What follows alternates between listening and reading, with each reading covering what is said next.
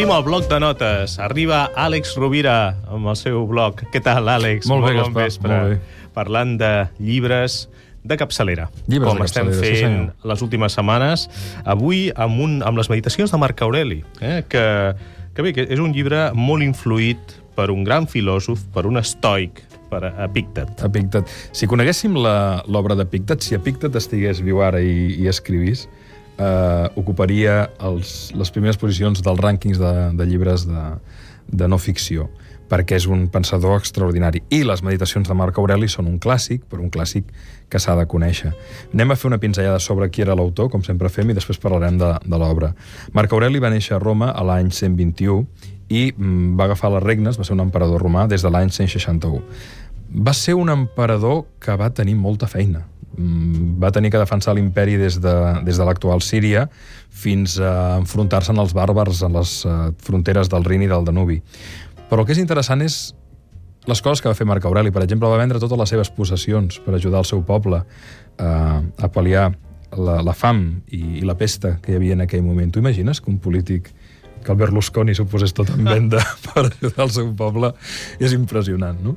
Eh, però això val la pena saber-ho. Per altra banda, també va perseguir els cristians eh, pensant que era una amenaça per l'imperi i, bé, és un home amb, amb clarobscurs, amb moltes ambivalències. En qualsevol cas, va deixar un llegat molt interessant, que són aquestes meditacions, i que, i que ens ajuden molt a entendre una mena de pensament, el pensament estoic, perquè ell va estar molt influenciat per Epíctet, aquell esclau grec que propugnava la llibertat, la moral i la humanitat en el millor dels sentits. I un dia també parlarem d'Epíctet i de la seva obra. Té un llibre que es diu Manual de vida, que és extraordinari, absolutament extraordinari.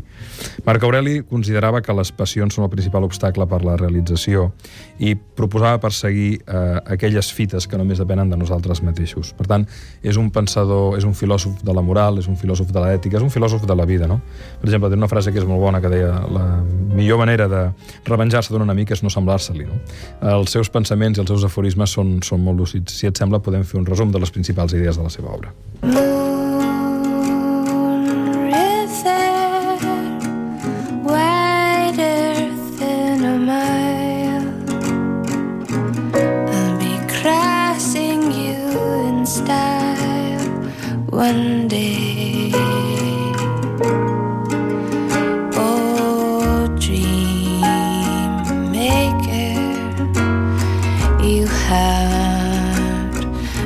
algunes de les idees bàsiques d'aquestes meditacions de Marc Aureli, amb el benentès que, com sempre diem a l'Ofici de Viure, si un llibre es pogués resumir en poques paraules, no valdria la pena haver-lo escrit. O sigui que convidem a la seva lectura. En aquest sentit, també recomanem un llibre que és resum de llibres, que és el que ens acompanya també quan estem aquí, que es diu L'elixir de la felicitat, que el va escriure un tal Francis Amalfi, que en realitat es diu Francesc Miralles.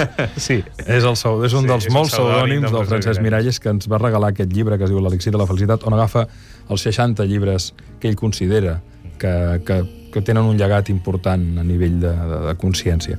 Ara tornem a les meditacions de Marc Aureli i anem a les principals idees. Marc Aureli deia que dins de cada persona hi ha la font de tota virtut i que només tenim que burxar, mirar, aprofundir una miqueta fins trobar-la. Per tant, que som essencialment virtuosos si tenim el temps i la paciència per trobar-les. Això és discutible, però és el que deia Marc Aureli. Deia també que el nostre únic camp de batalla és el present, que el passat queda enrere i el futur és incert. Per tant, ja parlava del poder de l'ara fa eh, gairebé 2.000 anys. Que hauríem d'actuar com si cada dia de la nostra vida fos l'últim i fer cada cosa com si fos l'últim acte a la Terra. També molt eh, la consciència del present. Deia, no cal saber viure, és important saber viure bé. Per tant, cal tenir, cal desenvolupar un ofici de veure, de viure. Uh, deia que la perseverança, que és ben diferent, tenir un Sí. ofici de veure que tenir un ofici Sí, de aquí viure. no cultivem, no. Aquí no, no estem per aquesta I tasca. menys el nostre monjo budista, que a vegades quan fem una celebració el convidem a cava i el Ricard diu no, no, sobretot suc de taronja perquè no vull ni una copa de cava. Eh? Ai, ai, ai, ai. Bé. Molt bé amb aquest lapsus. Doncs bé, diu, deia que la perseverança és una força que trenca totes les barreres que no cal, que no hem de témer la mort i que l'únic que, que hem de témer és no, és no saber viure bé. I que, i que diu és una tonteria preocupar-se pel món perquè el món no es preocupa per nosaltres. És a dir, el que hem de fer és, és cuidar a les persones que tenim al voltant i no fer grans abstraccions i perdre'ns en un pensament. I cuida el que tens a prop i el més es posarà a lloc. Que curiós, perquè podria ser escrit avui mateix. Eh? Totalment, totalment. I per això és important. Sempre dic que si volem coses noves, llegim els clàssics. S'ha de llegir, de llegir els clàssics, s'ha de llegir Homer, s'ha de llegir a Plató, s'ha de llegir Aristòtil, s'ha de llegir Epíctet, s'ha de llegir Marc Aureli, perquè, perquè tot el més són refregits. Eh? Finalment, o són refregits inconscients, és a dir, una des, un, un va parant al mateix lloc pel seu propi camí, el qual no és gens mèrit, vull dir que té tot el mèrit, però també n'hi ha d'altres, que hi ha molts llibres de gestió empresarial que han agafat clàssics i els, i els han, i els han, han fet una versió 2.0, 3.0 i han sigut grans èxits, sense treure-li el mèrit d'una actualització, però la, en els clàssics trobarem un gran plaer de lectura i molta saviesa.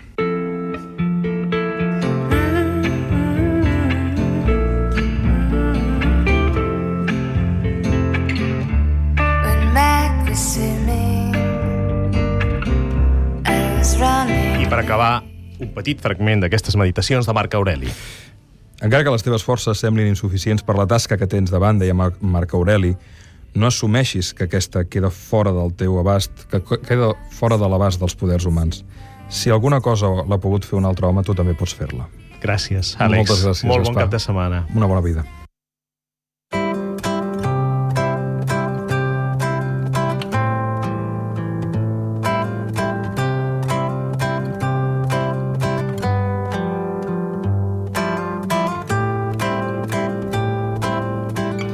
Tanquem l'ofici de viure amb el camí cap a la felicitat segons Epicur, com hem fet aquesta setmana, que va escriure sobre la saviesa.